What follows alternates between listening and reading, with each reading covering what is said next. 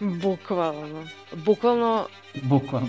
bukvalno metafora. Bukvalno. Bukvalno. Uh, bukvalno. Ovde je sve bukvalno, bukvalno. Mislim, Ovde je sve bukvalno.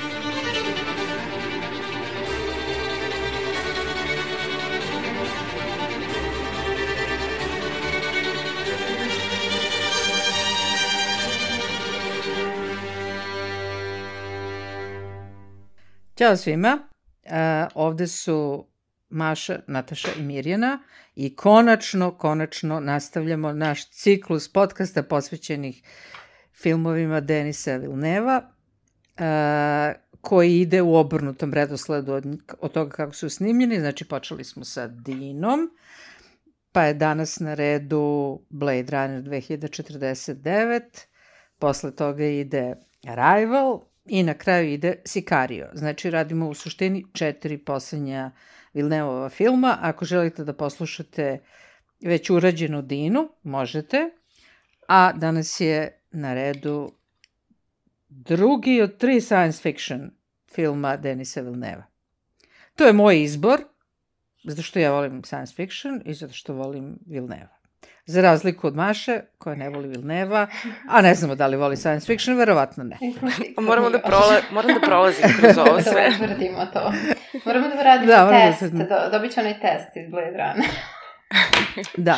E, a kad smo kod toga, izvini, a, samo da kažem za Blade Runnera, moj otpor prema baš Blade Runneru je datira iz mog detinjstva i nema veze s filmom. A to je, ovaj, na, na Spektrumu kompjuteru je bila igrica Blade Runner. I ta igrica je toliko glupa, mislim, bar meni je bila, jer ja nisam znala šta je Blade Runner, ja sam mislila to tipa, ne znam, Road Runner, samo se zove Blade Runner. ne znam. I, on, I samo se sećam nekog trčanja, nešto i padneš i ubiješ i odeš i vrat, ništa mi nije bilo jasno u toj igrici, ja sam to bilo u fazonu kao bez veze. E onda je Mirjana bila u Blade Runner, to je super film, to je super knjiga, to je, ovaj, to je rađeno po knjizi mog omiljenog pisca, to je science fiction. Ja ono kao, okej. I onda sam pokušala jednom da gledam i mnogo mi je bilo dosadno i onda, i onda odustala sam. I tek mnogo, mnogo kasnije, tipa, ja mislim da sam prvi put gledala ozbiljno, da sam pogledala film u gimnaziji, na primjer. Tako da, i to je bio onako posao.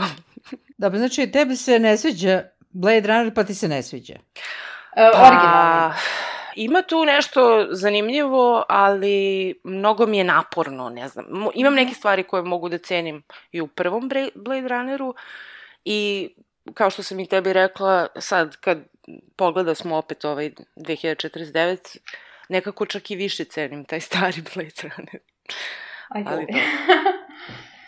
Pa dobro, mislim, mm, ja, na primjer, imam drugačiji stav, mislim, u suštini imam taj tvoj početni stav, gdje je meni uh, originalni Blade, prvi Blade Runner ovaj, prilično naporan i, ovaj, i, i način na koji se radnja razvija u samom filmu, uh, nekako, mm, ono, nema dinamike, mm, prilično mi je dosadno bilo kad sam ga gledala. Mislim da je mene to, isto to odbilo zapravo. Previše nešto usporano, ništa se ne dešava posebno, a toliko je samo, sam scenarij i priča, toliko potencijala ima i, i ovaj, sama priča je zanimljiva, ali način na koji taj film ono, uh, Ja sam samo prihvatila to kao da je akcenat na vizuelnom, znaš, i da on kao mora da potencira to, mislim ne mora, nego je izabrao da potencira to i stvarno je vizuelno o- mislim, odlično je napravljeno, onako unikatno i dosta uticaja imalo i na druge filmove i na druge medije i, mislim, vizuelno je stvarno Blade Runner, prvi Blade Runner. da, pogotovo za, taj, za mm, ono, to vrijeme kada je snimljen. Za to vreme, da, on je Da. iz o- 82. je li tako? Da, da. Da. Ali sam, sam film je meni bio baš te, težak da ono, odgledati i ispratiti. Ne mogu da kažem da sam uživala, ono, tako da ovaj, taj prvi deo, mm, ono, sve možda te neke estetike vizualne, ono, nisam mm, primetila Mhm. neke, ono, povoljne, um, neke benefite, ove, ali, na primjer, u ovaj, mm, Villeneuve-ova ovaj, rekonstrukcija Blade Runnera, ono, to je to. Znači, to je sve što, što bih ja želela od te priče i kako da izgleda i kako da se razvija priča i um, likovi i ono, glumci su ono, odličan bio izbor. Uh, tako da taj film koliko god da traje tri sata, ali ono, meni se konstantno drži pažnju i ono, mo, mogu da ga mo, mogla bi ponovo da ga pogledam, ono, u, sutra, znači, ja gledala sam ga za vikend. Hrabro. da, e sad ja moram da kažem da sam ja gledala Blade Runnera 2000, prvog Blade Runnera, mislim da ga nisam gledala u bioskopu, ne sjećam se da sam ga gledala u bioskopu i mislim da sam gledala na nekom videu, video kaseti prvi put i to je znači bilo možda ja mislim da druga polovina. Ja mislim da ti imala na videokaseti, pa sam ja od pa tebe da, to Pa da, ali ne sjećam se sam gledala u bioskopu. Uh -huh. Vjerojatno sam ovaj, gledala na video u drugoj polovini 80-ih. Taj film nije dobro prošao na box office-u i čak je moguće da uopšte nije ni došao kod nas u bioskope. Nemam pojma, možda jeste, ali ja ga nisam gledala. A verujem da bi ga gledala, da da sam, da je bio, ja. A da te pitam, jesi da davao... čitala knjigu pre nego što si gledala film ili posle? Ne, knjigu sam čitala posle. Znači, mm -hmm. ako sam ovo gledala recimo u nekoj drugoj polovini 80-ih, knjigu sam možda čitala p, krajem 90-ih, znači to je možda i 15 godina posle. I ono što mi iznenadilo što knjiga mm, je samo neki okvir na koj, koji su iskoristili ovaj, da, da snime film. Do, dosta se razlikuje, dosta se razlikuje priča. Naravno, tu ima, o, osnove su iste, jel? ali sam zaplet je prilično drugačiji. Uh, a i tu je bio negde kraj moje romanse sa književnošću Filipa Dika, jer sam se onako malo zasitila svih njegovih romana. Mislim, mada su mi dalje, recimo, Ubik i čovek su kon dvorcu jako drage knjige, ali ovo mu je uh, Sanji ili Androidi električne ovce, to je tako zove roman po kojem je -huh. snimljen Blade Runner, mu je dosta slabiji. Mislim, u odnosu na, za mene, u odnosu na ove dve knjige. A Blade Runnera 2049 sam gledala u bioskopu, pre, kad je izašao, jel, koliko ti ima, već pet godina, jel? Uh -huh. A i onda sam ga gledala za ovaj vikend sa Mašom i to je bilo strašno. Neprijatno iskustvo, jer Maša je imala gomilu bezveznih komentara, ometala me je, ali to Tražila me nije sprečilo da uživam u filmu. Da. Ali ovaj, to me, meni je da pomoglo, u filmu. Meni je pomoglo da mi brže prođe vreme, jer tri sata traje film.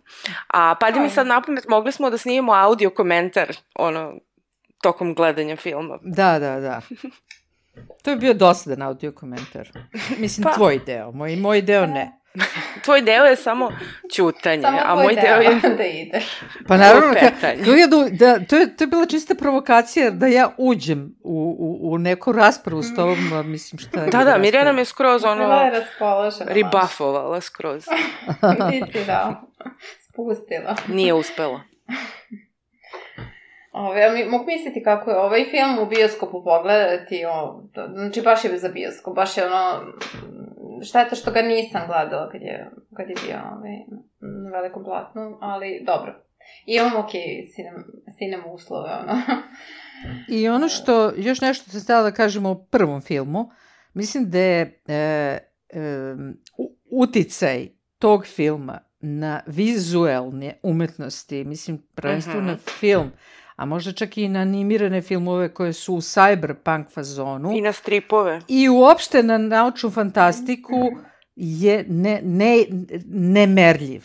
Nemerljiv. Znači, e, taj neonski fazon, ta stalna kiša, taj mrak u kome se kao vide reklame, Uh, i, i ovaj, taj neki polusvet koji ide ulicama, siromašni, jadni, bedni, ta distopija je imala neviđeni, neviđeni uticaj na, na naučnu fantastiku.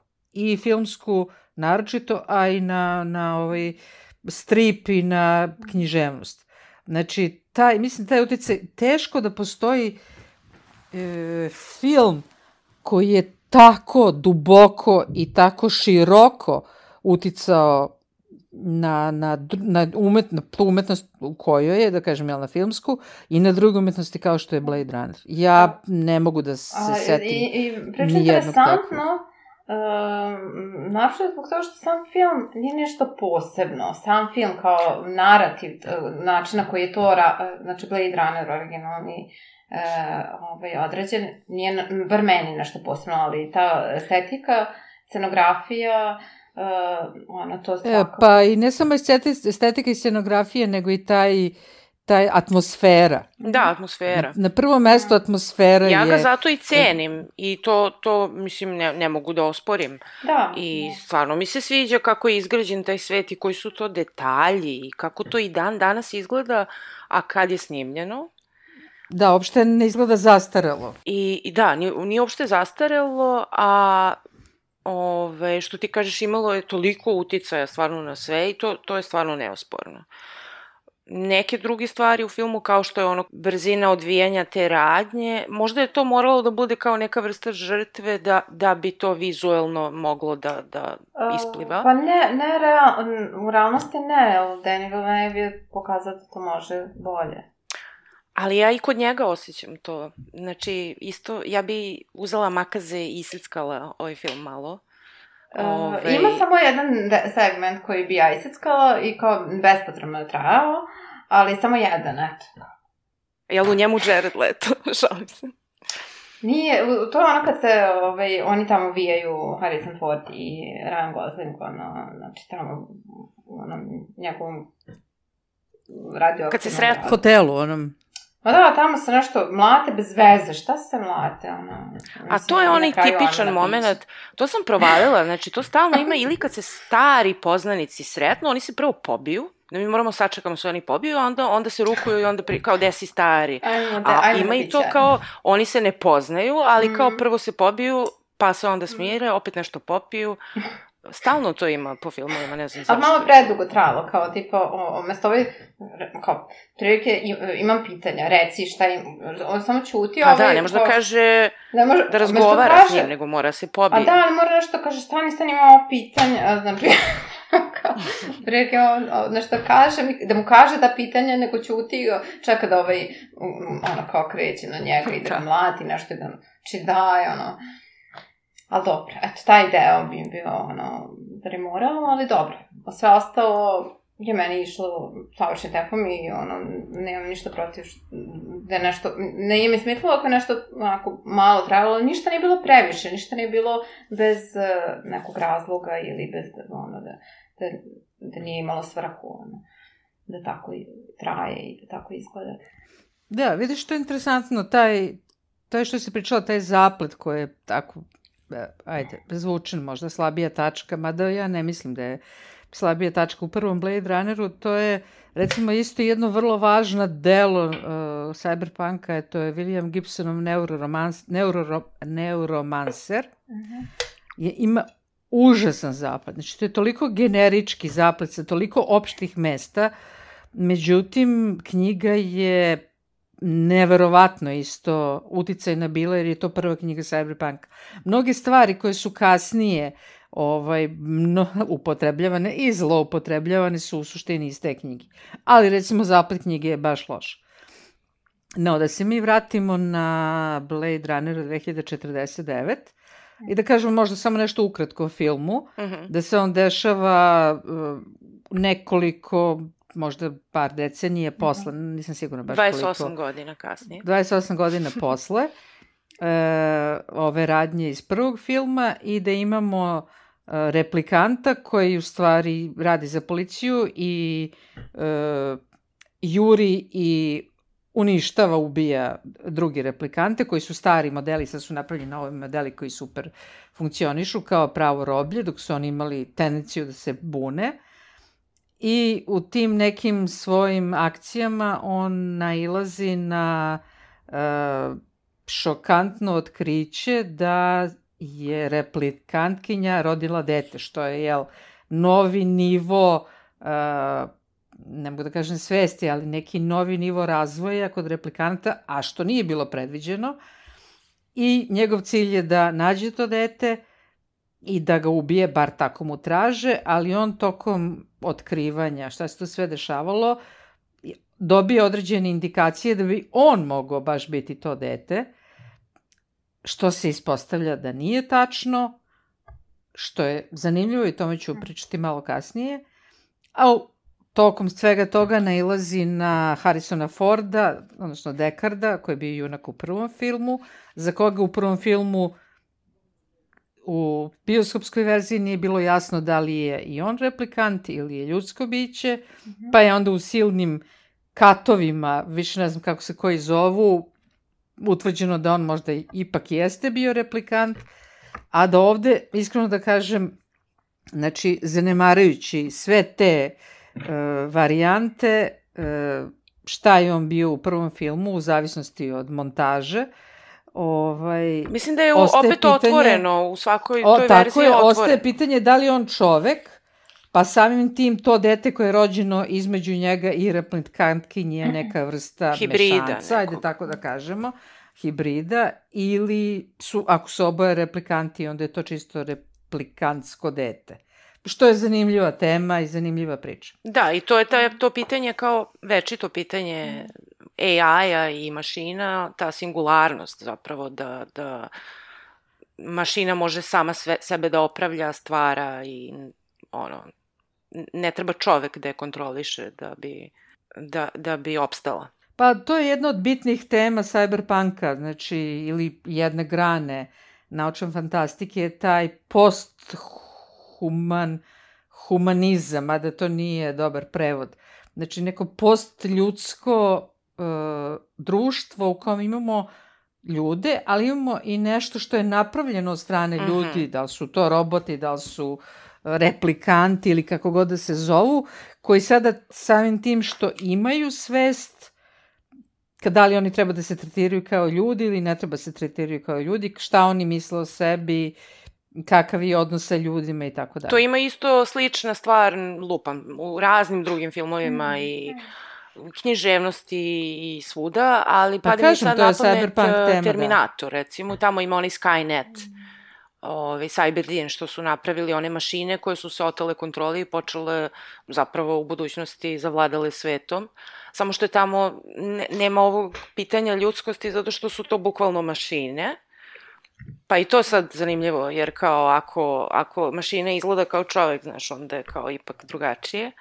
A i koliko shvatam, ovde su i replikanti napravljeni da budu isto sluge ljudima na razne načine.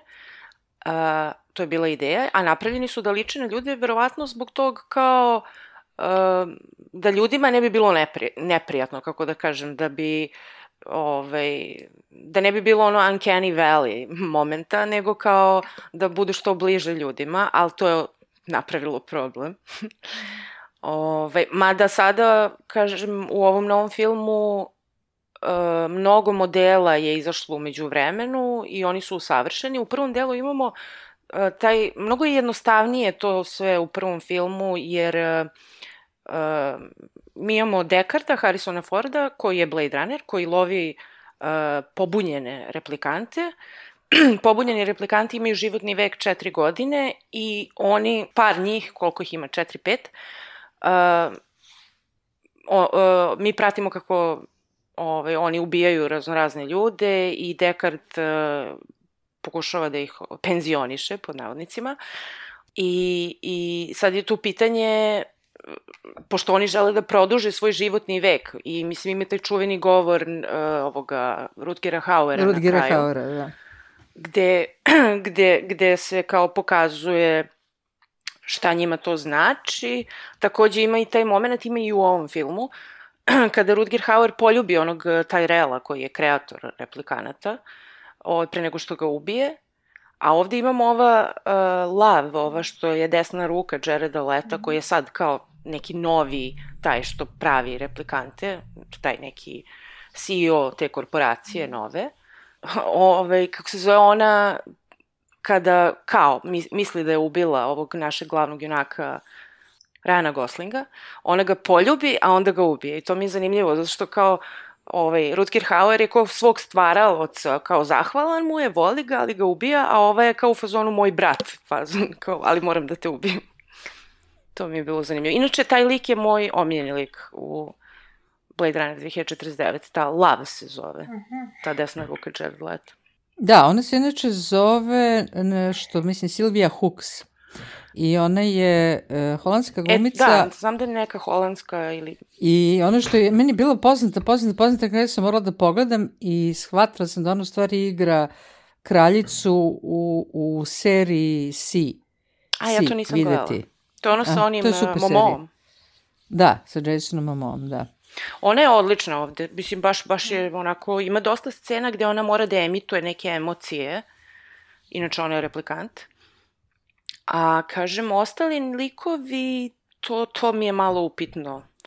Ove, e sad, šta, šta vi mislite? Mislim, kao centralna tema tog prvog Blade Runnera je bila to kao šta znači biti čovek.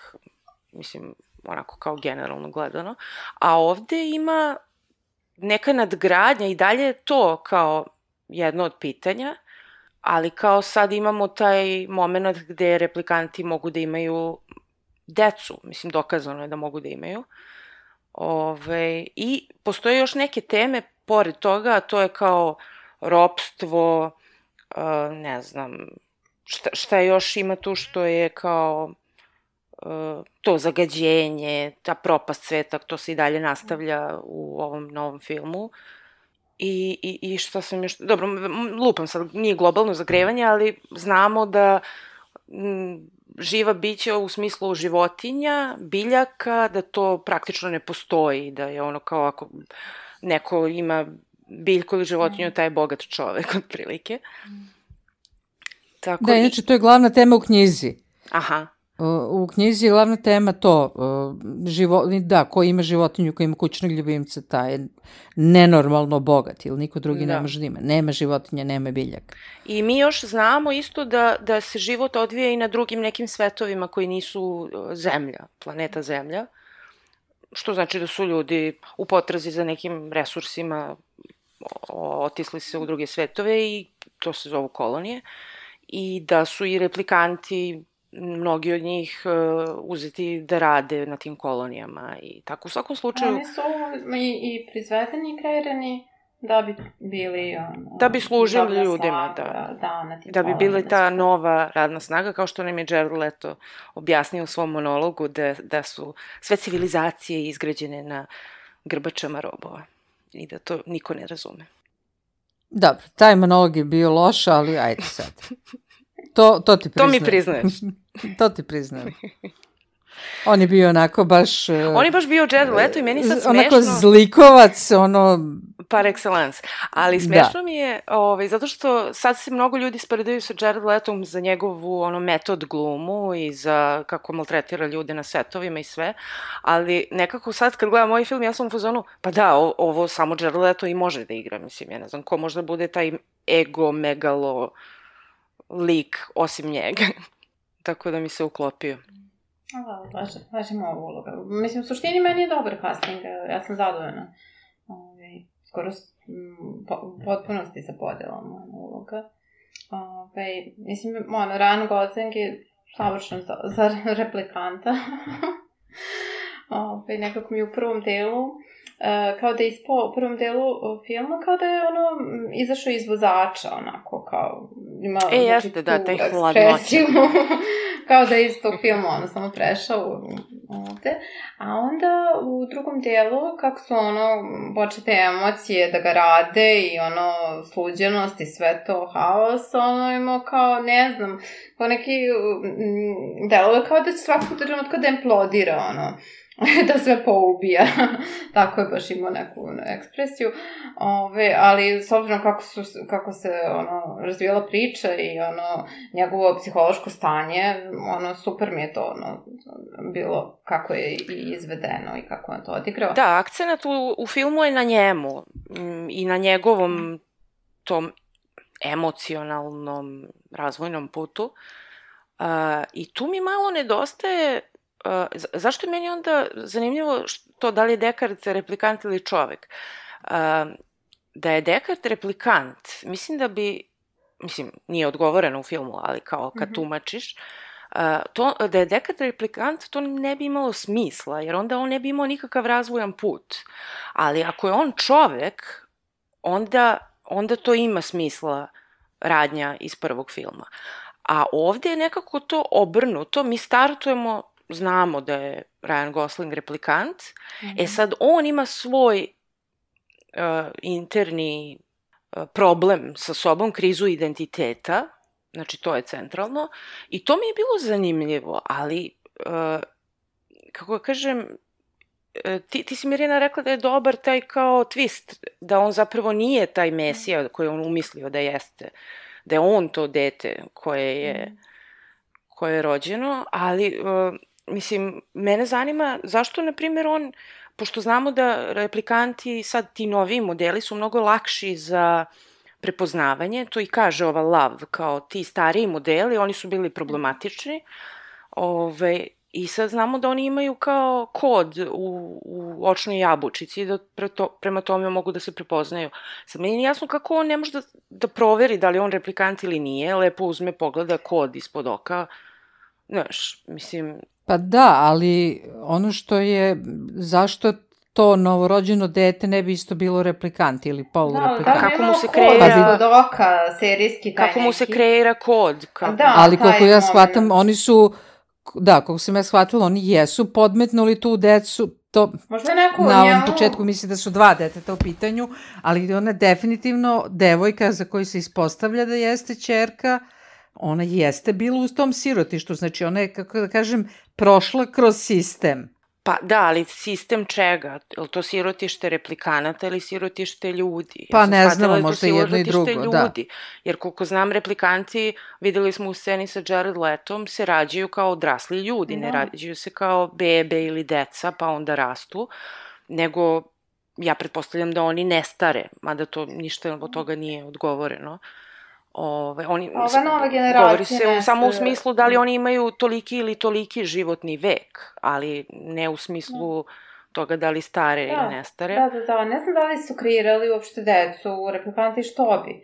Tako da mi ono sirotište deluje pre kao da je Ljudsko. Meni to sirotište deluje kao ono snalaženje ljudi, u smislu ima onaj crnac što je kao nadzornik tu i on bukvalno kad dođe Ryan Gosling on mu nudi da kupi dete, da mu bude radna snaga, jer ja kapiram da i ljudi moraju da se snalaze i da teraju i decu da rade i da to sve, mislim, sve je distopija. i...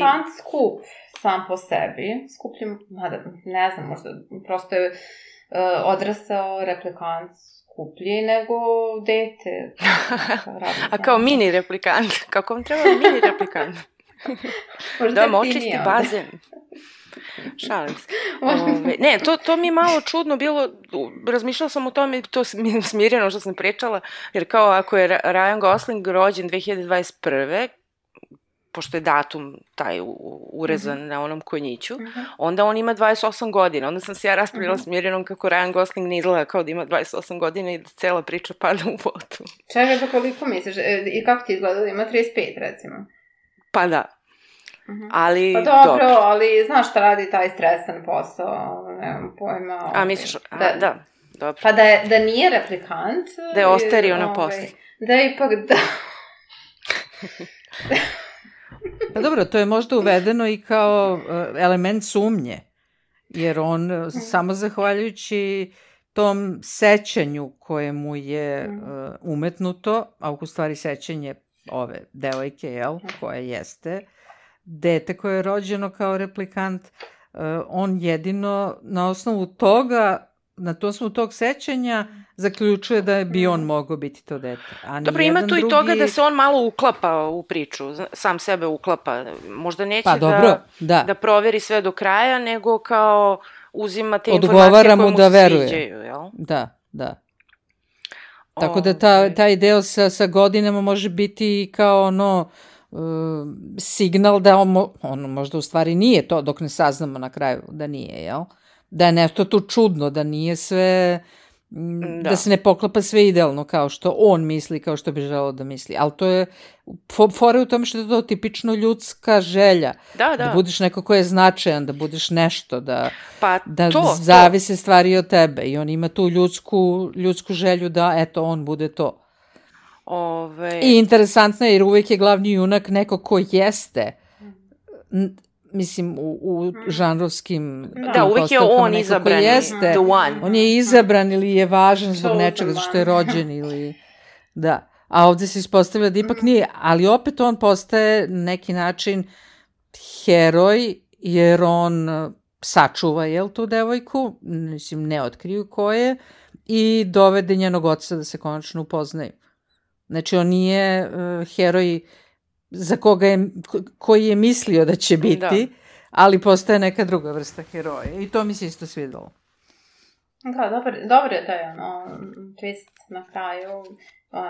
Ja sam prosto ono, podlegla toj priči i flowu i ono, kao, nisam razmišljala mnogo e, da on nije e, ovaj, a, ljudsko biće, a, odnosno taj hi- hibrid u stvari.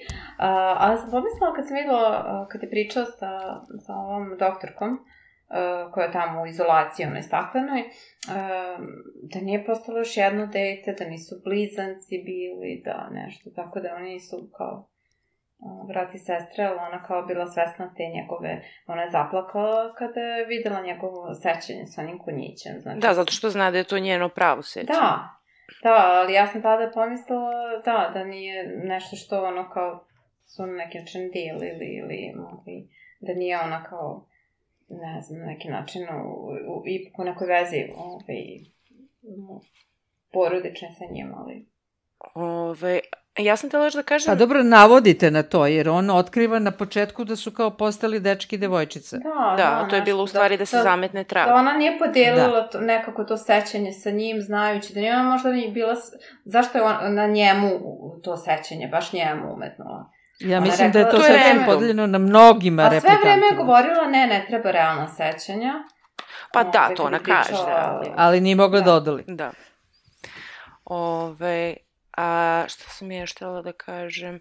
A, to što kažeš kao te ljudske emocije kod replikanata, meni se isto sviđa recimo kod e, ove Love, te e, desne ruke Jared Leta, a, i mnogo više mi se sviđa kod nje a, isto je a, se prepoznaje to ljudsko u njoj, iako je mnogo subtilnije, zato mi se više sviđa. Uh, dok kod ovog Ryan Goslinga, recimo on kad se sretne sa ovim pobunjenicima i kad mu ova žena koja je vođa tog uh, pokreta, da kažem, ovaj, o, o, ona njemu tu priča kao sakrili smo dete, ispriča mu celu priču i kao ona devojčica, bla bla bla, i onda se on tu smori i onako sedne, onako poraženo, jer je shvatio da je devojčica, a ne dečak u pitanju i znači nije on.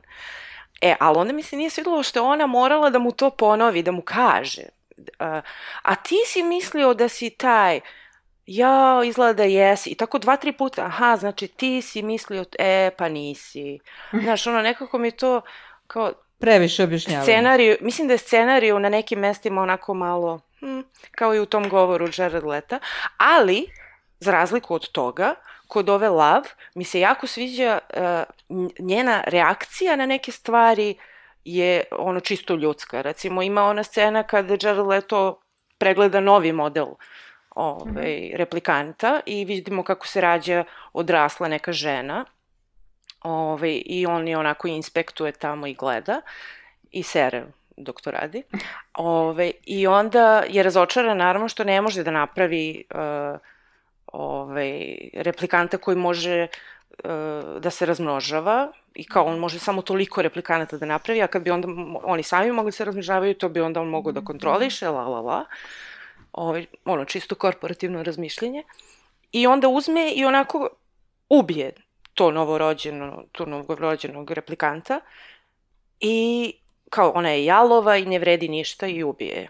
A iza njega vidimo lav koja pušta suzu, jer ona saoseća nekako i ona tokom celog filma je ona koja ima neki drive, ono, kao što Ryan Gosling ima drive da reši to svoju krizu identiteta, ona, Lav, ima meni se čini kao potrebu da dokaže da, da je dobra, da, je, da, je, da, da služi svom gospodaru, stvaraocu i um, ono, želi da bude najbolja i to i kaže na kraju Ryaну Goslingu kada, kada ga ove, ubode nožem, uh, ja sam najbolja.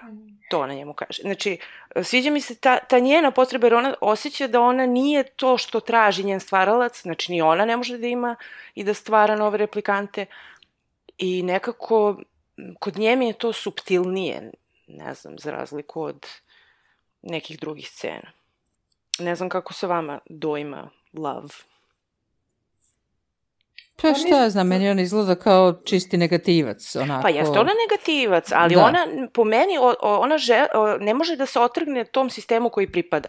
Ona je replikant u službi korporativnoj službi svog gospodara Jared Leta i ona ne može izvan toga. Ona samo može da se bori da bude u što boljoj poziciji i, i ono u milosti svog gospodara. Ona ništa drugo ne može. Tako da to, to, to mi je bilo zanimljivo. A s druge strane, recimo, imamo ovu uh, Robin Wright, koja je u drugom sistemu, koji nije korporativni, nego je baš ono sistem, policija, i ona je nadređeni uh, Ryanu Goslingu. I ona isto pokušava svoj sistem da održi, a to je, to vidimo kroz to njeno naređenje da da se to dete nađe i ubije i ona sama isto kaže ako se to pročuje, to će da uništi sve što znamo, to će da napravi haos. Znači to ne sme da moraš da nađeš i da ubiješ to hibridno dete, inače sve propada. Kako se Tako da i ona neki ono što veruje za, da, da je ono ispravno ili da, da treba da, da ono služi, da, da bude u službi toga, svako ima svoju agendu, Da. ono, njih. I tu kad se ta lav susretne s njom pre nego što je ubije, isto joj kaže, a mislila si da možeš metlom da zaustaviš uh, lavinu ili ne znam šta joj kaže i takođe si verovala da replikanti ne lažu. E, ja ću da kažem da si ti mene prva napala. Da, da, Tako to je nešto dobra scena. Tako da mi Da. se to svidelo. Dakle, I malo isto... pove- A, kaži? Nešto pa kao, malo više bi volila da ima tako nekih ono zabavnijih momenta u filmu. Pa ima zabavno Iako- ono kad, kad ona nešto bombarduje tamo ovoga Ryana Goslinga na onom đubrištu u San Diegu i onda je ovaj neki radi manikir pravio je neke da, nokte. Da, da, da, ta je dobra scena. Tako da ima neke šaljivosti sa sa njom, njom. e, scene na- zabavne. Uh, Da. Nemam pojma, sam kad, ono kad je uh, Robin Wrightovu madama, ono, kao ubilo, pa nešto uzme ono njenu glavu, pa onako baci i ona Da. udari u sto Da. i padne nekako. Da, da. Baš, šta ja smatram smešnim. Ali za Robin Wright stvarno mi, e, to sam isto rekla Mirjani, gde kad Ryan Gosling dođe, kada failuje onaj test, e, ono kad nije u baseline-u, Mhm. i on joj kaže kao pa našao sam dete i ona kao i šta, šta se desilo? On kaže pa ubio sam dete, završilo se sve, nemoj Mm. brineš u tom fazonu i ona kao okej. Znači, uopšte Da, ne sumnja pa, u to, niti da, proverava Da, to, to to. me odmah bilo, zato što replikanti kao ne lažu, znači, to, to smo posle kao saznali da, bar ja, ovaj, kad je ona rekla, kad je Lav rekla, kao, zato što ona ti je poverovala, Da. i, zato što, u stvari, e, ti, ona njoj kaže, e, pre nego što će joj ubiti, kao ti si mu odmah poverovala, zašto znaš da replikanti Pa to. ali kao, e, ja ću da kažem, ovaj, tako da, E, ali mi je tad da, bilo, ali, mislim- ova- zašto, e, tad mi nije bilo, nisam znala da oni baš, tipa, uh, da je takva situacija da ono, da njima besprekorno ve, bez kompromisa A ne znam kako mogu besprekorno da im veruju kad, su- kad je toliko puta dokazano da, da su oni vrlo falični. U prvom filmu su napravili Ali kao haos. ova generacija Volasova, tako je poslušno, je, je kao, mada e, je- jedino što mi nije jasno je zašto on failovao taj test i nije uračunjiv i Pa zašto čim mu je tad postoji verovala. test, znači da mora da se kontrolišu stalno Znači i da, da, nije, verovatno ali neko test nije... nije prošao nikako tada. Znači da neko nije u vinkli često, tako da... Da, i ona, ta, u stvari taj moment mi je bio jasan zašto ovaj, kao failovao test i onda kao ona, ona ga pita šta, Pa tim šta pre. misliš, šta A ovo što htela kažem- brak i on kao ono, da, i ona mu kao veruje. Da, taj moment mi nije bio jasan. I htela sam da kažem, Onda. malo to sa replik... mno- Mnogo su neodgovorni ti ljudi koji prave Replikanti? replikante i koriste replikante. Zato što, mislim, ko, radi u risk managementu i Tyrella i ovog uh, Jared Leta, mislim, uh, to, toliko puta se sve otrglo kontroli, a niko, ni, nikom nije palo na pamet da ugradi neki kao uh, sigurnosni sistem u replikante da ukoliko pošandrca, da se nešto remotely kao pritisne neko Mm. dugme i da se uništi taj replikant tog i tog serijskog broja. Šta god. Ja vidim, Maša, da ti bi imala vrlo dobru karijeru u nekoj Da, imao bi dobru beskrupuloznoj korporaciji. Zloj koloniju, korporaciji. uh, replikanata. Možeš da radiš na tome u budućnosti. A Maša za ono kao, uh, Maša uh, 2249. Može da piše scenariju. Oni imaju test koji se zove White Kampf test u prvom filmu, Aha. gde oni postavljaju pitanja, eh, odnosno istrebljivač, to je Blade Runner, postavlja pitanja određena i na osnovu toga, ovo je vrlo bitno, kakva je pokazana empatija u vezi sa tim pitanjima i odgovorima, oni određuju da li je neko replikant ili nije. Što hoće da kaže da replikanti nemaju empatiju. Da. Ali ovde vidimo da sigurno imaju, odnosno da to više nije diferencija specifika replikanata i ljudi. Da. A replikanti, E, i- v- v- oni isto imaju mogućnost da, da razvijaju uh, i emocije i inteligenciju. Mislim, to je nešto što ono, on, prikazano Pa vidimo po tom njegovom suštini- kućnom životu prvo, jer mi vid, ne vidimo njega da ono odlazi u storage box i kao čeka svoje sledeće naređenje, nego on ima stan, on živi u stanu, on e, ima tu interakciju sa tim, Hmm, tom to je aplikacijom ili šta već, koji isto pravi Wallace korporacija, a to je e, taj kao Joy se zove, ta kao devojka i vidimo i njenu reklamu tu po gradu. To je aplikacija koju kao uh, na početku filma on, ona je instalirana kao hologram na njegovom plafonu i može da se kreće samo tu gde prolazi ta šina. Ali onda on kupi m, dodatni jedan uređaj mobilni koji uh, može da uključi gde god se nalazi. Znači ona neće biti vezana za tu šinu u njegovom stanu. I vidimo da on ima neku ono vrlo emotivnu interakciju sa, sa tom Joy.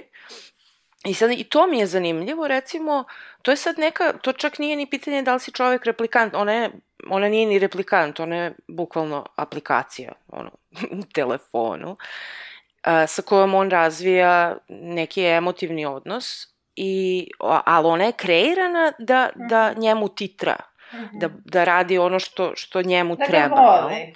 Ona je Da ga kreirana voli. A ne samo to, da bude submisivna. Tako je. Nije samo da ga voli, nego I da mi radi vidimo, sve što čim on se traži. on Da, pojavi da. kući, prva stvar koju mi vidimo, ona je obučena ono kao domaćica iz 50-ih i pravi mu ručak i kao dobrodošao kući dragi i to. I to mi je Kako je malo bilo na onako poslu. kao okej. I Pa ne, to mi je okej, jer to je ono kao što je predviđeno da bi on da bi muškarci želeli Pa da znam, se ali žene kao- tako ponašaju, da.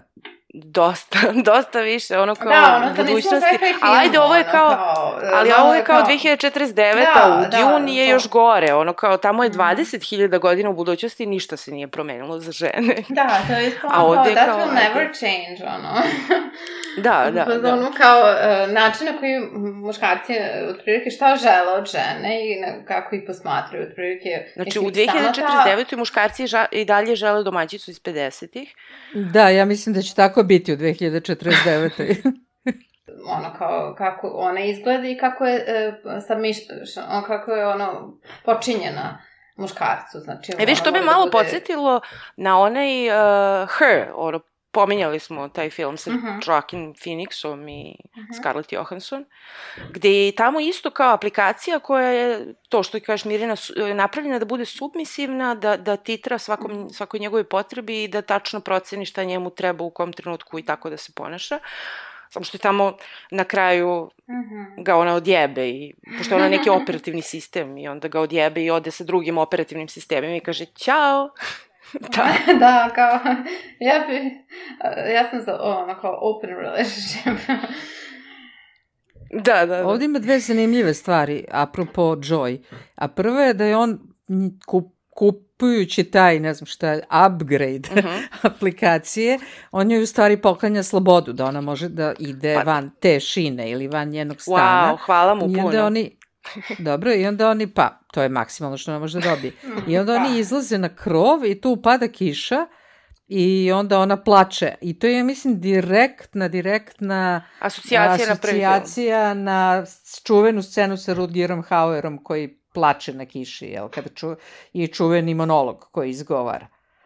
Uh, ovaj, to je jedna stvar, a druga stvar je, isto što mi je bilo interesantno, da ona, pošto je aplikacija, znači nije prava osoba, ona koristi Mackenzie Davis kao Surogat.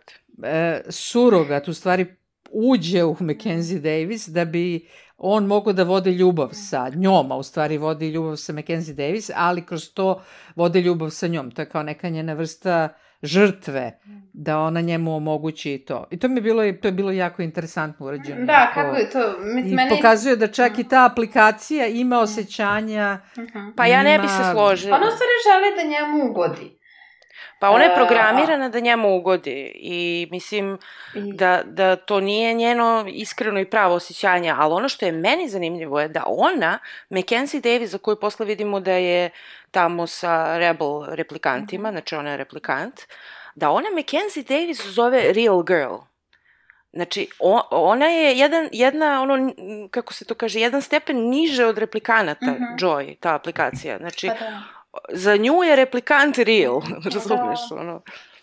Tako Pa da mi je to nekako još tužnije. Jesu mm, stvarni, tako su, meni su u suštini uh, pokazale su se, uh, pokazalo se da ono, mo, mogu da razviju emocije, znači još u prvom Blade Runneru, uh, između, jedni između drugih, uh, ima dva glavna lika koji su bili pobunjenici, su se voleli, ovaj, Rachel isto, znači da, da su razvili emocije, uh, ono, ta, takođe mislim u ovom filmu, znači uh, oni razvijaju emocije, imaju empatije uh, i u suštini šta je to što u suštini njih kao, gde je razlika između uh, ljudskog bića i replikanta onda, mislim šta Pa to ti je čini kao i pitanje ljudsko dan- biće, šta, To ti je tema... ljudsko na biće neki ljudsko način- biće, ne? Pa da, ali to ti je kao paralela recimo sa rasizmom u realnom svetu. Znači, koja je razlika između ove i one rase, a opet se neki ljudi po, ono, ponašaju prema drugim rasama užasno, to jest rasistički.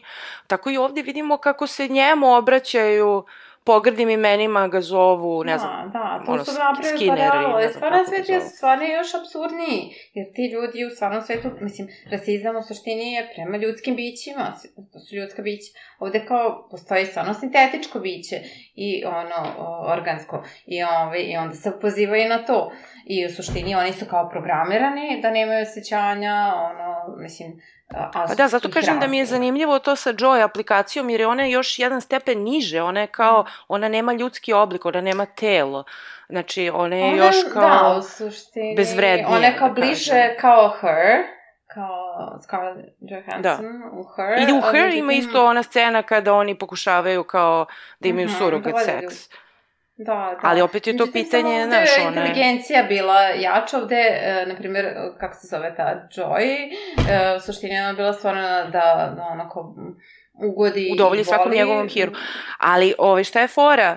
Ima, ima mala subverzijica, uh, odnosno, pori, kako da kažem, mali dokaz da, da je to deo njenog programa, jer znamo kad ona, kad on kao posumnja to da je on možda to dete i onda ona njemu nešto kaže kao pa ne onda ti sad moraš da imaš ime nemoj da nisi ti više K 326 koji već broj kao ti bi trebalo da imaš ime i on kao "M, a? i ona kaže Joe Mislim da treba da se zoveš Joe. I onda kasnije vidimo kad on nailazi na onom mostu na kiši ovaj, na reklamu za Joy, Mhm. gde ona ne- ovaj, isto kao u obliku holograma se spušta sa te zgrade i tamo piše nešto, sve što želiš da čuješ, sve što želiš da vidiš. I onda ovako priđe njemu i kaže kao zdravo Joe. Znaš, tako da vidiš da je to deo njegovog ove, Programa. deo njenog eh, programa zapravo. Da. A ne da je znaš ona to smislila nje, kao- Ovaj, e, znači, mimo toga njene afekcije, m, koje, mislim, u koje prosto, ona je potpuno bila okrenuta njemu, ali ne znam da li mogu to da onako ra- ra- razdvojim, e, kada je ona njemu rekla u zonu kao da je spremna, znači kad je on prebacio na onaj drive, uh, pa kao ako se nešto desi ovome, ovaj, onda ćeš ti nestati, pa kao da, kao prava devojka, ono. Kao da, znači, imala tu želju da ona zaista bude prava devojka i mislim da je to mimo nje, nje, njege... Uh, pa ne, ne bih. Mimo nje...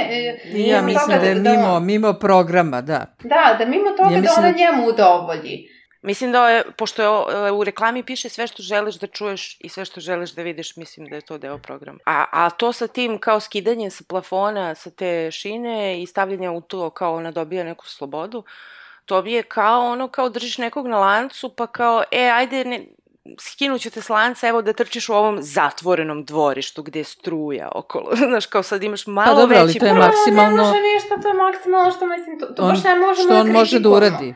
Uh, nije on kreirao nju kao aplikaciju. Ne, ne kritikujem ja njega, nego samu uh, je tako... tog ko je kreirao aplikaciju da. i zašto je kreirao. Pa, dobro, ali za nju je to super. Ona to, njoj se to baš svidi. Mm. Hmm.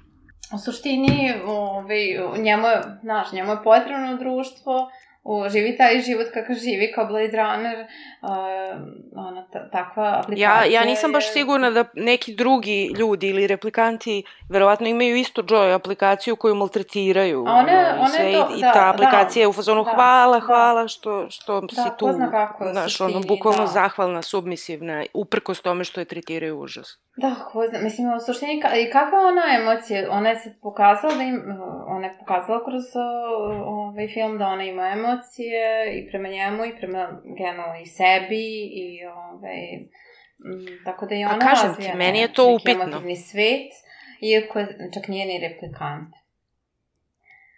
Meni je to upitno. Da li ona... Da, ja sam, ja sam tako isto shvatila.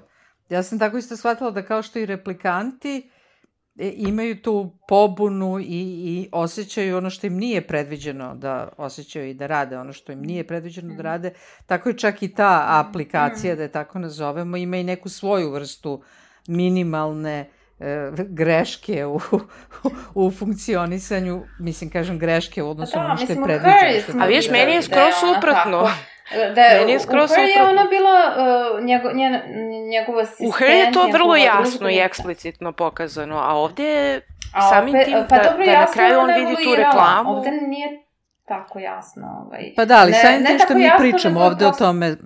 Hm? Pa samim tim što mi pričamo o tome, ja imam drugačije mišljenje, vi imate... Pa dobro, a, pa znači da može da se tumači na jedan i na drugi način, što je da uvek dobro, jel? Kako ste vi naivni, vas bi sve korporacije prevarilo. da. Već imaš na, uh, planove da nas prevariš u budućnosti.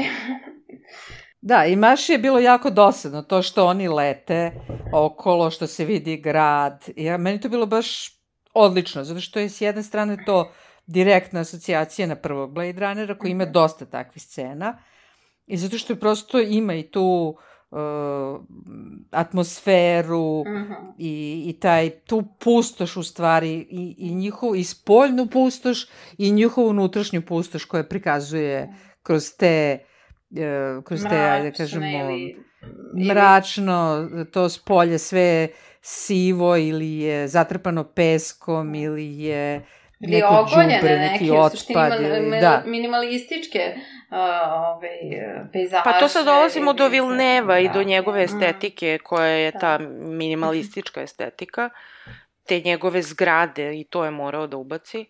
I ta njegova muzika Hansa Cimera koja je u Dune e, pazi, ovde. samo kad nije onaj, uh, znači u onom Blade Runneru, kad krene ono, ne znam, one tipe emotivne, zav, ne, ne, ne zavodničke, nego ono kao neke scene seksa ili šta već ili nešto tako, i onda krene neka softcore muzika, znači šta je Saksofon ovo? neki. da, da, ima neki saksofon.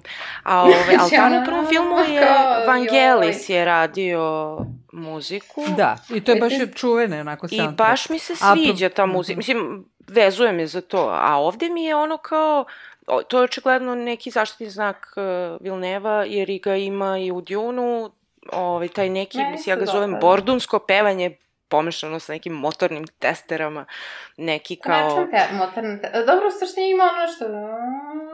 nešto Da, tako da. da krene. A, e, meni je to fenomenalno, suštini najviše u, možda u manje u ovome, u Blade Runneru, a, a više u Dini Arrivalu. Mi je uklopljivije sa tim nekim vanzemaljskim mm, ovaj, atmosferom.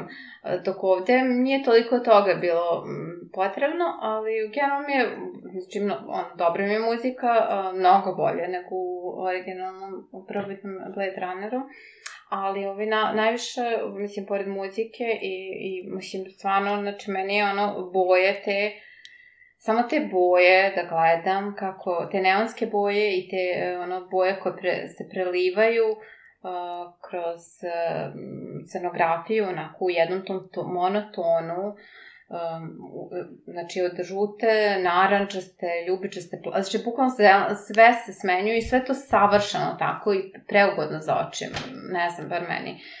Um, tako da, te boje su možda najbolje od svih filmova, znači u Dini je bila prevladala uh, ta na, narančasta uh, boja peska i začina. Um, u Arrivalu je više bilo uh, možda čak te neke sive boje, mračne, ovaj, A ovde su te boje se smenjivale i možda mi je ovaj najugodniji film za oči. Ovaj, mm, ono, Ne znam, ja sam pričala to i u Dini, e, meni njegov ta, njegova ta estetika i taj e, minimalizam mi ne prija. Ne kažem, neću da kažem da je loš, jednostavno meni ne prija. A ovaj, kad ga ima puno i kad se potencira, onda mi smeta već, znaš, pa verovatno zbog toga. Pa mislim da ti, ti, ti ove, da u Arrivalu ta minimalistička estetika bila najpočetljivija i da im onda u Dini, a ovde najmanje. Ali, na Znači, primjer, u Arrivalu mi ne smeta. U Arrivalu, mislim, meni se Arrival kao film, nezavisno da li je radio Villeneuve ili Pera, sviđa mi se taj film. Da. Ovaj, ba, baš mi se sviđa. A, ovaj, a kažem ovo, ova dva filma su mi nekako Aha, naporni. Čekaj, Dina Pa ti da, se ali ova- nije se, ovi- Nisam skapirala da se Dina nešto nije svidela. Pa isto, isto, ta estetika, to... Misliš da je estetika, ali da, ali u suštini ne možeš da kažeš, ako, ćeš, ako gledaš samo estetiku, uh, da, ovaj, da je estetika drugačije bila u Rivalu od odnosu na ova druga dva filma. Pa znaš šta jeste, znaš zašto? A, mislim da znam tačno o čemu se ovde radi. Uh, ova dva filma, Dina i Blade Runner 2049 su, da kažem, baš visoka naučna fantastika u smislu da je to potpuno Drugi svet. naučno-fantastični svet. Sve je za nas, pod znacima navoda, novo. Dina je još više od, od Blade Runnera. A recimo Arrival je on je 95% što je u Arrivalu, mislim u smislu scenografije, ono što se prikazuje naš svet. Znači jedino što je razlika su sami vanzemaljci, odnosno njihovi brodovi i šta ja Da, znam. brodovi, Tako da je ovde mnogo izraženije. Na brodove i na vanzemaljskom uh, eksterijeru, znači kako izgleda taj broj i kako iz polja i iznutra i najviše scena uh, fokusirana na to. Najmanje, šta je drugo, vojne one ustan, ne ustanove, oni kampovi uh, i ono ko, ok, onaj porodični život koji je za ona... Uh, Pa da, ali to je ono što ti je potpuno poznato. I na to u suštini ne manje obraćaš mnogo toga, pažnje. Više mi, mislim da je bilo, opet kažem ti, više bilo na toj vanzemaljskoj A i nemaš potrebu da ga potenciraš. I verovatno zbog toga Pa da. u Arrivalu nije imao potrebu da se divi Ta, pa tim to, o betonima tome i pričam. I tim stvarima i onda je to stavio u malo drugi Da, plan. nije to fokus... A da, čini mi se da iskreno toliki, i da. scenario Arrivala je mnogo bolji Pa nego recimo da. scenario Blade Runnera. Pa, samo priča je mnogo, mnogo ono, mind bending više, znači, ono, ovo nije ništa sad mind bending toliko, ali ona te slama, ono, kao, mislim, pričat ćemo posebno o tom filmu, ali ono, te baš, ono, kao, uh, kad vidiš šta se tu, ono, desilo, kao budeš, ono, wow, E, mislim, i sama ta priča, kad je, ono, ovaj, po kojoj je baziran Da. scenario isto. Pa, A i mislim, tamo je glavni nešto lik što- je ženski lik, a ovde, uh, tako da se ne odsjeća neko odsustvo veliko že, nekog ozbiljnog ženskog lika, dok ovde recimo svi ženski likovi su vrlo um, prazni, da kažem. Ako sam najviše našla kod ove love, ono, i to morala sam da tragam za tim nekim elementima, suptilnim, a svi ostali ženski likovi su mi nekako dvodimenzionalni, bukvalno, neki, Je, kao što je Joy. Ove, ostalo imamo one prostitutke, neke nemaju ni imena, jedna je Mackenzie Davis koja ima bukvalno scenu tu da bude surogat u seks sceni i posle vidimo tamo sa ovim pobunjenicima. I uopšte ne vidimo ne, neki, neki ženski lik koji ima neki razvitak, nešto. To dete, u suštini, ta devojčica, ono, koja je posla... Pa i ona je ograničena, ona onako isto u- da, u sterilnoj sobi, ne može da izađe nigde, Da, sputana je, ove, i, i vrlo je malo, ima i više kao plot Na device, neki što bi način. rekli. Svi su sputani, ali ženski likovi po najviše, osim Lav i ove, ove madame. Pa i Lav je sputana, kao što vidimo, ona ne može izvan A, tog na, ali ne, da- manje je sputana u odnosu na... Naravno, bih, naravno. Joy i... Kao na- i, i ova Robin Wright, ona ima neku funkciju, ona je neki da, ipak nadređeni. neki šef tamo. Ali, ali opet nemam ništa od nje, ona je A, isto ženski, prazna, isto da, služi likovi- nekoj svrsi. Više da. služi Ryanu Goslingu, njegovom razvoju nego sobstvenom. Pa praktično jedini lik Nije- koji je više razređen je sam Ryan Gosling, Da. jer ni, ni Pa Harrison da. Ford nije Pa da. ništa razređen. Mislim, nije o njemu ništa Da, ne on je tu isto samo da veže tu priču. Da, A i nisu ni ova muški Rachel- likovi ništa Rachel bolji. se da. pojavljuje, sa, mislim i njena funkcija isto kao ona je tu nebitna, ona je bitna samo kao majka, znaš, ono kao uh, sveta majka deteta koja će promeniti Dobro, svet. ona se ni ne pojavljuje, mislim. Pa ona se č- bukvalno ne pojavljuje. To je meni smešno što kao uh, ova Sean Young koja je nju igrala u prvom filmu, koja inače ima neku problematičnu reputaciju i jako se nije slagala s Harrison Fordom na snimanju, a, ove, a ovde se kao ona pojavljuje i kao ima kredit ono na MDB-u, ali zapravo imala je body double, a faca joj je ono kao CGI, pošto kao treba da izgleda kao Rachel od pre 28 godina. Onda mi je smešno, ono kao najsaradljivija Sean Young na nekom setu filma je Sean Young koja zapravo nije na setu filma. Ove, tako da se ona pojavlja u toj nekoj kratkoj sceni, ali ona je isto plot device, mislim. Tako da, da. Mislim, to ovom, mi je- u ovom filmu definitivno. Uh, pa da, već je fokus bio na muškim likovima, naravno, mislim, jedini, u suštini jedini fokus na, na, ovaj, na ovom Keju, jo, Joyu, Joyu. Da. Znaš šta, deluje mi kao da kad bi, kad bi neko snimio nastavak sad ovoga, da bi to možda imalo potencijala, I, ovaj, jer sad je, su postavljene stvari malo drugačije, znači sada postoji i raste taj kao uh, sistem pobunjenika koji ima tu ženu kao vođu, imamo tu to dete, uh, vredno dete, hibridno, koje je žena. The Holy Child. Tako da, Miracle ovaj, moguće, Miracle Child, tako da moguće da, da u nekoj budućnosti, ako neko bude odlučio da snimi nastavak, da to može da bude malo drugačije. Mm, pa moglo bi svašta tu da se uradi, ono, da. Interesantno je što je to dete ipak ima neke probleme, znači to Da. nije idealno. Da, da, da. Uh, Ali ona samo dokaz kao da je genetske moguće. poremećaje. Da, ali dokaz da je moguće, ali to još uvek nije dovedeno do onoga dovedeno. Nije, nije još uvek to kako treba da bude, jel? Da, oni se snimaju Oni snimaju to nešto kao uh, seriju, ili će snimati sad, ne znam tačno, e, Blade Runner 2099. Ne znam da li je to počelo da se snima, ali ono što bi bilo zanimljivo apropo toga jeste da je e, showrunner te serije Silka Lewis, a ona je showrunner serije koja uskoro izlazi i, i, i jako me zanima, a koja se zove Shining Girls. Aha, sa onom Elizabeth Moss? Da se Elizabeth Moss izaći će na, i Stars će da Mhm. ovaj, snima tu seriju. Stars postaje cool televizija. Da, da. Stars ili O. Sky, šta ste rekli? Stars. Stars, Stars. Aha, ne znam. Ove, ne znam, vidjet ćemo, vidiš, možda u tome bude nešto drugačije Moglo bi da i novo. nešto napravi, definitivno, i kao treći deo. I...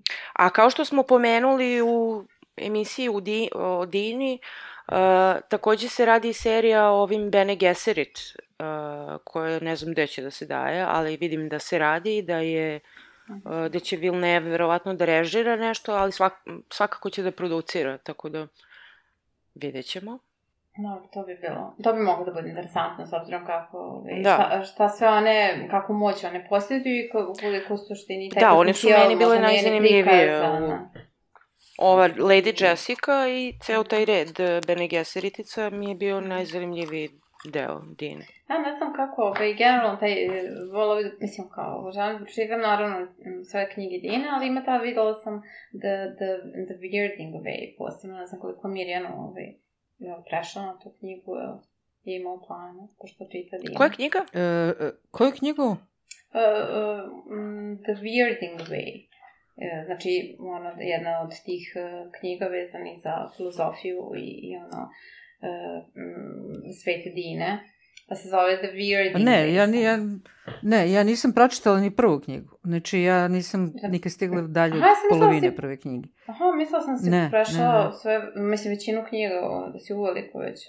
Nešto, Nisam, onda nisam, Neko Maša nisam. se zezao, Maša se zezala, pa, pa je nešto rekla da si ti na petoj, šestoj. Možda ili je. Dejan pročitao nešto. Mislim da je on Ili pričao. Ove, On je pričao, ne znam da je baš pročitao On je čitao, da, sve ono, knjige, te ili knjige. da, nešto je čitao, Da. da. Ali ne znam da skoro čitao, ali...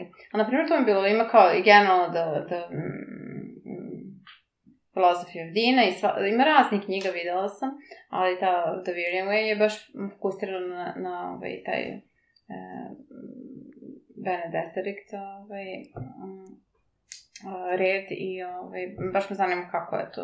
A vidiš, to onda možda mi bude kako su- zanimljivo Kako su da nastale, kako su razvile tu Da. veštinu, e, šta podrazumeva to, e, kako je to učenje i kako ga one savladaju od rođenja, od malena i tako. Kako, Kako su naučile tu veštinu da, da vladaju svetom, a da... Da, da, u suštini čak učine i- da- li da su muškarci one, misle da oni vladaju Šmrkale onaj začin isto. Pa ja mislim da žene to sve vreme vežbaju. Ok, hoćemo da uradimo nešto što nikad nismo do sada radili. A to je Ajde. da pustimo da gledamo film i da radimo audio komentari. Ne, nego da damo ocene filmovima od 1 do 10. Da Kojim damo filmom? ocene Ovi- filmovima. Pa ovom sad koji smo gledali, mislim, Da damo ocenu nikad ne dajemo ocene. E da, ne Da. dajemo ocene, to sam pomislila ja kad sam gledala tako Pa nešto. me, posljednje ocena mi je nekako egzaktno previše. Pa dobro, ajde, budi egzaktna, nemoj samo da filozofiraš. Pa ne, ne volim ja to, ja ne stavljam ovaj, ni liste filmova kad pravim, nemam ono 1, 2, 3, 4, nego su mi kao, eventualno znam možda jedan koji mi je najomiljeniji, a ovi ostali su ono interchangeable uvek. Pa dobro, bi jedna stvar je da- poređenje. Da napravimo ocenu kada um, ovaj, ovog s- serijala, da na osnovu, kada završimo serijal, da onda ocenimo te filmove. To ne znam. Da, bo, možda bolje pada. tako. Ja Dune ne mogu da ocenim, zato što je to pola filma i ne mogu da ocenim to. Pa možeš pola evo, filma zna- da oceniš. Znači, Ne mogu. ne. A znaš ti, ovo nema veze s ovim, nego kad smo u... Uh, gledali smo neki film, ne znam gde smo bili, pa, pa je publika bila ono, nije bila bioskopska sala, nego neka učionica. Ne, ove, I onda je bilo ono, ko sedi ispred tebe, od njegove glave ne vidiš platno. I, ove, I stalno se boriš ono da gledaš, znaš. I sad ne znam, odgledali smo film, ne znam ko me pitao kakav je film, ja kažem pa ne znam, gledala sam pola. A, kao koju polovinu? Ja kažem gornju. Zato što ni pola platna nisam videla. Bravo. Tako da gornja polovina E, ja rekao da, sad ću mi pričaš kako si gledala tamo film i, i, ovaj, i kao nakon filma u toj učenici kao da žele su um, ono kao da, e, ocene onako da podignete jedan. I kao svako. Ove, ne, možda je bolje stvarno kad završimo sva četiri filma pa kao da ih ocenimo, ono. Da ih Pa da, rangiramo. ja, ja sam to. Mada ja nisam nešto Pa dobro, mi smo ih rangirali- ali mm, ne mogu da kažem da ne pogledam. Naprimjer, kad čitam nečiju recenziju, baš me kao ono, pogotovo recenzije ovaj, mm, autora koje cenim i pratim, pa kao ono, ne, neretko odem kao odmah da vidim kako ocenjuju taj film. e, da li, ga ja gled, da li sam ga gledala ili ne, pa onda kao, jo, ili, o, dobro. Hoćemo nešto kao za, zaključujemo i da zaokružujemo. Pa mislim da smo sve, ja bar sam ispričala sve što sam tela, a jedino vi ako nešto mislite da treba da pa, još meni, na primjer, dodamo. Slatka bilo, eto još uh, nisam spomenula, da mi je bila onako simpatična uloga. Mislim, generalno mi je ova uh, Mackenzie Davis, ovaj, još od Yorki kad sam je videla u ovome uh, Black Mirror. San Junipero. Da, da, to mi je, o, bože, kako bilo, ono, preslatka ta njena uloga i sve to. Mislim, ovde vidimo jednu drugačiju ulogu, tamo je ona bila kao neki nerd, ono, malo, ne nerd, ali kao ono, totalno... Tamo je ovaj, bila lik, ovde je imala dve scene, od toga je jedna surogat seks scena, druga je iz pozadine govori Ne, ovde je bila jednu kao, rečenicu. da, kao tamo je bilo ono kao, ne znam ko sam, šta sam, gde sam, ono kao i ono prilično sramežljiva i povučena i kao ne, znaš, pre, nesigurna, a ovde malo sam se drugačije Da, ali ovde je stvarno nikakav lik. Ali ovde, da, ne, što se tiče lika, nije, nije ništa posebno, mislim, taj lik nije ništa posebno, da. ali mi je bila njena pojava interesantna, samo što se pojavila tu, eto. Ove, Da. kao Ako neki voliš. Mackenzie Davis, preporučujem ti dve serije. E, Jedna se, jedna je izašla prošle godine, zove se Station Eleven. E, E, to koja je bih pogledala, tako, to po mi romanu... Maša isto preporučivala. to Ja sam nešto- pogledala, pa, možda više od pola, ostalo mi još možda par epizoda, ne znam. To je nešto kao ono neko pozorište, putujući, Aha, nešto aha. tako. Između Da, ostalog. To da. mi se dopada kao... Post, postapokaliptična. I druga je. Halt and Catch Fire.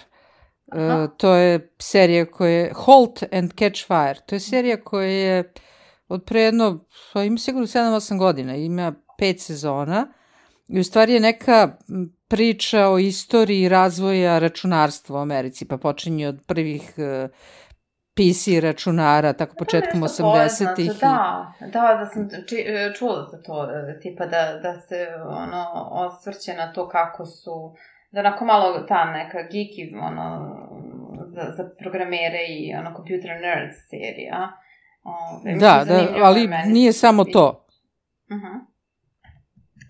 Nije Ok. samo to, ima, ima ovaj, ozbiljne, ozbiljne dramske radnje, znači Aha. nije, nije, naravno to je za one koji to vole kao što sam ja, je dodatni ono faktor, ali ovo je baš, baš jako dobra, jako dobra serija, svih pet sezona su odlične. Da, u stvari to je bitka za CTRL. Da, tako sam je u stvari zapamtila, ono. Kao, mislim, kako su preveli. ne, To mi je bilo pamtljivije nego Halt and Catch Fire.